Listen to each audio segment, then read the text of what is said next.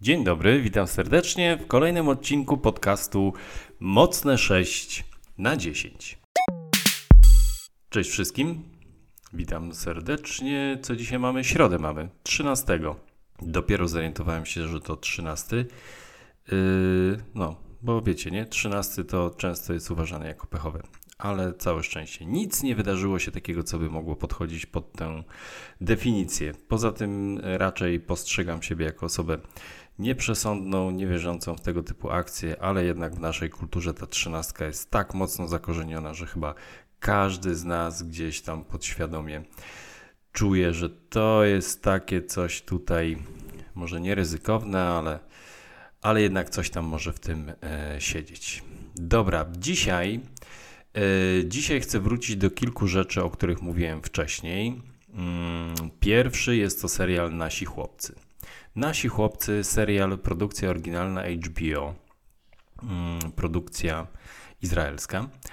Y, jest to serial opowiadający historię, która miała, oparta na faktach, historię, która miała miejsce w 2014 roku, kiedy to y, nie wiem, nie pamiętam, nie było chyba nawet podane kto. No, na pewno ktoś z ludności arabskich porwał trzech chłopców, nastolatków żydowskich I to, że już chyba też w poprzednim odcinku mówiłem, że mm, e, tych trzech nastolatków nie odnaleziono żywych, e, więc to nie jest spoiler, nie obawiajcie się. I w odwecie, w odwecie został porwany chłopiec o imieniu Mohamed i został porwany przez przez z kolei trzech e, chłopców żydowskich. I to jest w zasadzie tyle, więcej nie mogę powiedzieć, bo e, mimo tego, że historia mogła gdzieś być już słyszana i komentowana, i wiemy tak naprawdę, co się wydarzyło, to przyznam szczerze, że dziesięcioodcinkowy serial trzyma naprawdę bardzo mocno e, w napięciu do samego, do samego końca. Mm, I tak jak mówiłem, cała ta sytuacja, mm, znaczy nie chcę, nie chcę nikogo urazić mówiąc sytuacja, ale no jest to ewidentnie konflikt, który trwa od wielu, wielu lat pomiędzy ludnością żydowską, ludnością e, arabską. E, no jest to, jest to coś przez pryzmat e, tego serialu można to bardzo dobrze, nie wiem, bardzo dobrze ten serial ilustruje to, jakie tam panują nastroje, o co, o co tam e, chodzi i, i dlaczego jest to tak bardzo e, skomplikowane.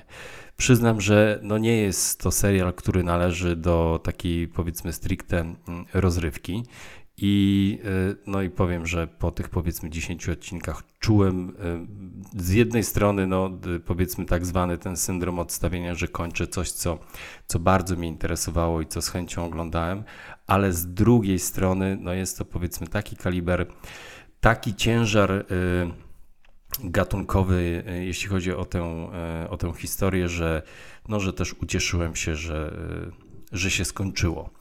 Stąd y, z jednej strony zachęcam do obejrzenia, ale z drugiej strony też ostrzegam, że nie jest to, y, nie jest to stricte y, rozrywka. Oczywiście serial jest zrealizowany na najwyższym możliwym poziomie, no i trzyma powiedzmy widza w zasadzie w napięciu do, do samego końca.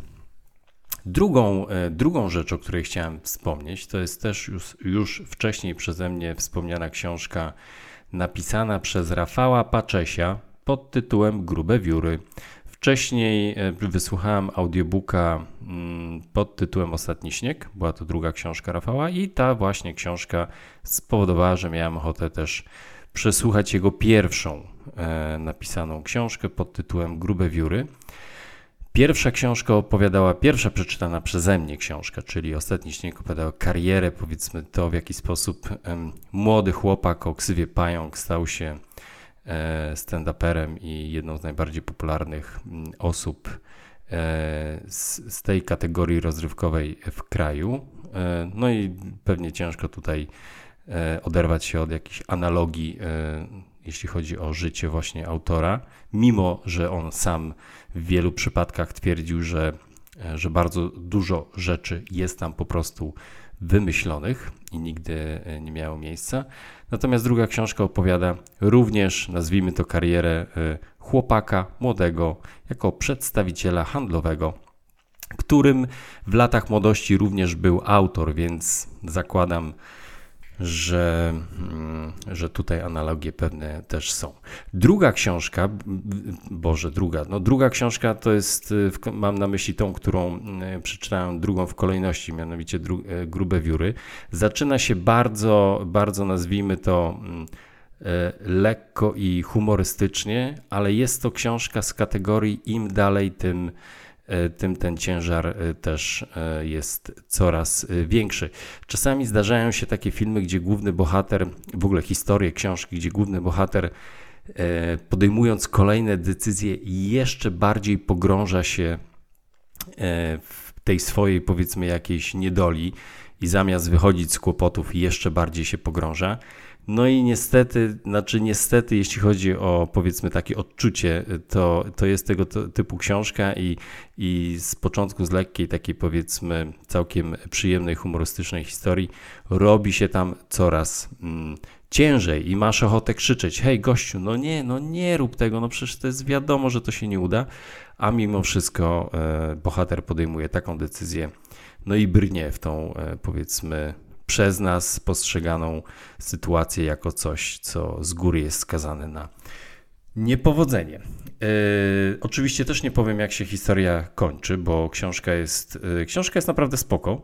Jest spoko, są twisty, są, są ciekawe, ciekawe dialogi. To, co mnie zaskoczyło po przeczytaniu książki, gdzieś tam poszperałem w internecie i wyczytałem, że chyba w 2020 roku to był bestseller, najlepiej sprzedająca się książka yy, w Empiku Przyznam, że nie wiem, jak to dokładnie działa, ile tych egzemplarzy y, trzeba sprzedać, żeby być najlepiej sprzedającą się książką, akurat jeśli chodzi o powiedzmy tego dystrybutora. Ale bardzo często słyszę tego typu stwierdzenia i ciężko jest mi ocenić, które są prawdziwe. To samo e, słyszałem o książkach e, Remigiusza Mroza, to samo słyszałem o książkach Zygmunta Miłoszewskiego, więc wszystkie gdzieś tam w pewnym momencie były super najlepiej sprzedającymi się książkami. Ta, o której wcześniej mówiłem, Gruby Wióry Rafała Paczesia też gdzieś się załapała, żeby być najlepiej sprzedającą się książką. E, więc jestem po tych dwóch pozycjach. Obie były dosyć miejscami przygnębiające, stąd też jestem e, szczęśliwy, że udało mi się powiedzmy wyjść z tego e, w cudzysłowie doła i teraz szukam jakichś powiedzmy treści, które będą odrobinę bardziej wesołe.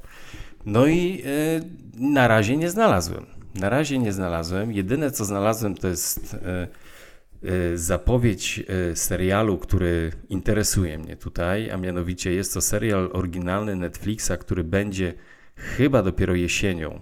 Mm, w, y, będzie dostępny jesienią na Netflixie i jest to serial pod tytułem Wielka Woda. Jest to historia sytuacji również opartej na faktach, która miała miejsce w Polsce w 1997 roku, czyli wielkiej powodzi E, na Śląsku, e, kiedy to Wrocław całkowicie został e, zrujnowany przez tą powódź. No nie wiem, czy całkowicie był zrujnowany, ale, ale naprawdę bardzo, bardzo mocno mu się dostało. Ja pamiętam tą sytuację, pamiętam to lato, bo akurat wtedy mieliśmy wybrać się gdzieś w te okolice właśnie Wrocławia i z tego powodu nie pojechaliśmy w to miejsce, więc gdzieś tam ta cała sytuacja, mimo że byłem czy byłem młody wtedy? No, byłem jakimś tam powiedzmy nastolatkiem. To, y, to pamiętam e, doskonale. No dobrze. To są y, powiedzmy rzeczy tak zwane, to są rzeczy tak zwane do oglądania, do czytania, do słuchania. E, a, y, powiedziałem, że nie znalazłem e, nic do słuchania. Otóż znalazłem, ale obawiam się, że chyba zrobię sobie od tego przerwę, bo to też nie jest jakiś tam super super lekki, chociaż wydaje się to być po prostu, e, nazwijmy to książką, nie wiem, przygodową, może thrillerem. Jest to słuchowisko dostępne na Empik Go pod tytułem Mierzeja i autorem tego słuchowiska są bracia Miłoszewscy, Wojtek i Zygmunt. E, słuchowisko jest zrealizowane fantastycznie, naprawdę. Jak doznania, doznania audio podczas słuchania tego E, teraz drugiego już odcinka, one są w okolicach po 40 minut, drugiego odcinka są naprawdę doskonałe. tam za sterami, powiedzmy za tymi konsoletami wszystkimi stoją świetni fachowcy, reżyserem chyba albo współreżyserem jest nie pamiętam imienia, nazwisko ma Czeczot. To jest gość, który naprawdę zna się na tych tematach, więc, więc widać tutaj bardzo, bardzo, że tak powiem, wysoki, wysoki poziom. O czym opowiada? Czy mogę powiedzieć, żeby mnie zaspoilerować? Chyba mogę. Jest, jest to powiedzmy fikcyjna opowieść o, o epidemii na Helu. Takiej powiedzmy dosyć tajemniczej, bo to jest dopiero początek, więc nie wiem w jakim kierunku to, e, to pójdzie. Realizacja świetlna, świetlna, Boże, świetna. E, więc, więc jak, jak posłucham dalej, jeśli posłucham dalej, to, to pewnie kilka słów w kolejnym jakimś mm, odcinku e, powiem. Co jeszcze? E, dzisiaj odgrzewane kotlety. Odgrzeję również informacje na temat Nothing Phone One. Jakiś czas temu wspominałem, że szykuje się premiera. E, premiera telefonu, który wydawał się dosyć interesujący, miał zrobić tak zwane zamieszanie na rynku, biorąc pod uwagę, że jeśli chodzi o wszelkiego rodzaju technologiczne tematy w ostatnim czasie, to jest straszna nuda, nic się nie dzieje, nie ma nic interesującego. No i ten telefon miał tutaj zrobić różnicę. No i generalnie wygląda na to, że trochę zrobił różnicę, trochę nie zrobił różnicy. Oczywiście to jest kwestia tego, kto co lubi. Wydaje się być bardzo interesujący wizualnie. Sam koncept i strategia marketingowa też jest całkiem ok. Wyróżnia się z, e, z tłumu, ale mam wrażenie, że jeśli chodzi o sam telefon i to e, i, i to, że tak powiem, co, co da użytkownikowi, to chyba nie będzie się różnił niczym innym od tego, co oferują dzisiejsze smartfony. To jest oczywiście opinia y, na bazie opinii, bądź też y, różnych artykułów, które gdzieś tam w sieci się y, pojawiają. Jeśli chodzi o oglądanie, to od jakiegoś czasu chcę się wybrać do kina, ale uwaga, nie ma na co totalnie nie ma na co. Chciałem pójść z synem, mówię, dobra, synek, idziemy do kina, zobaczymy, może będzie coś fajnego. Były minionki, akurat na minionkach posz, był już wcześniej e, tam powiedzmy z grupą e, półkolonistów, stąd też to była jedyna pozycja, którą można było wybrać. Są jakieś inne e, bajki, jedne czy dwie, ale to są tak zwane bajki chyba, które po prostu faktycznie były trzymane tylko i wyłącznie na sezon ogórkowy no bo, bo nie wydają się specjalnie atrakcyjne. Natomiast, natomiast jeśli chodzi o filmy, no to już, to już chyba drugi miesiąc jest grany Top Gun i nic poza tym, co mogłoby się wydawać interesujące. Z jednej strony rozumiem, jest lato, są wakacje, inne rzeczy powinno się robić, a nie siedzieć w kinie, ale z drugiej strony, no, czasami ma się ochotę po prostu pójść na coś e, dobrego i skupić się tylko na oglądaniu filmu. No to jest ta różnica między oglądaniem czegoś w domu, a oglądaniem czegoś e, w kinie. Kiedy idę do kina, to wiem, że idę do kina i jedyna rzecz, jaka mnie wtedy interesuje, to jest film. Kiedy oglądam w domu, wiadomo, że cała masa innych, powiedzmy, rzeczy, rozpraszaczy, tematów, rozmów, nie wiem, pies, sąsiad, e, nie wiem, milion rzeczy może się zdarzyć, które powodują, że jednak ten fokus na film jest dużo mniejszy. Słuchajcie, ja już pomału kończę dzisiaj. Jest jeszcze ten temat, który mnie bardzo interesuje. Sam jestem zaskoczony tym, że aż tak bardzo go śledzę, a mianowicie transfer Lewandowskiego do Barcelony. Pewnie gdzieś tam e, każdy, kto odrobinę chociaż e, śledzi mainstreamowe media, to, to napotkał się, na, z jaki, napotkał, napotkał, to spotkał jakiś nagłówek mówiący o tym, że Lewandowski to albo Lewandowski tamto, Lewandowski versus Bayern Monachium i tak dalej. Tutaj sytuacja wydaje się być mm, odrobinę skomplikowana, bo Lewandowski chce odejść do Barcelony, Barcelona chce Lewandowskiego kupić, natomiast Bayern nie chce puścić Lewandowskiego i nie chce sprzedać, a jeśli chce sprzedać, to chce przy okazji z jakiegoś nie do końca pewnie jasnego dla nas powodu, chce tą całą sytuację przyciągnąć i troszkę uprzykrzyć. E, może wynikać to z tego, że Lewandowski ma jeszcze ważny kontrakt do końca 2013 roku z Bayernem, czyli na kolejny e, sezon. Może to wynikać z innych rzeczy, w każdym razie nie jest, e, nie idzie to tak łatwo, jakby pewnie wszyscy chcieli, albo przynajmniej Lewandowski, Robert Lewandowski i e, władze klubu FC Barcelona.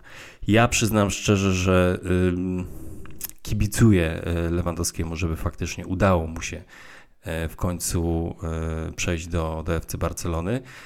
Z jednej strony obawiam się tej sytuacji, bo Bayernie no, ma y, potężną renomę i zdobył praktycznie wszystko, co było do zdobycia.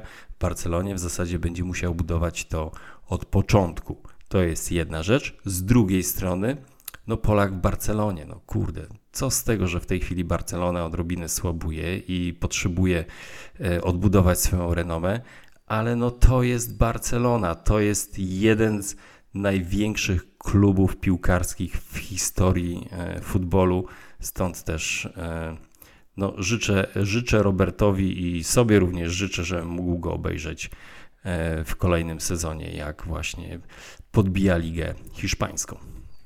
Dobrze, słuchajcie. Pewnie słychać gdzieś tam w tle mój piesek znowu zaczyna się bać, bo gdzieś tutaj jakieś grzmoty e, nadchodzą, burze, stąd też będę już e, kończył. Życzę Wam udanego wieczoru. Trzymajcie się i do usłyszenia jutro. Cześć.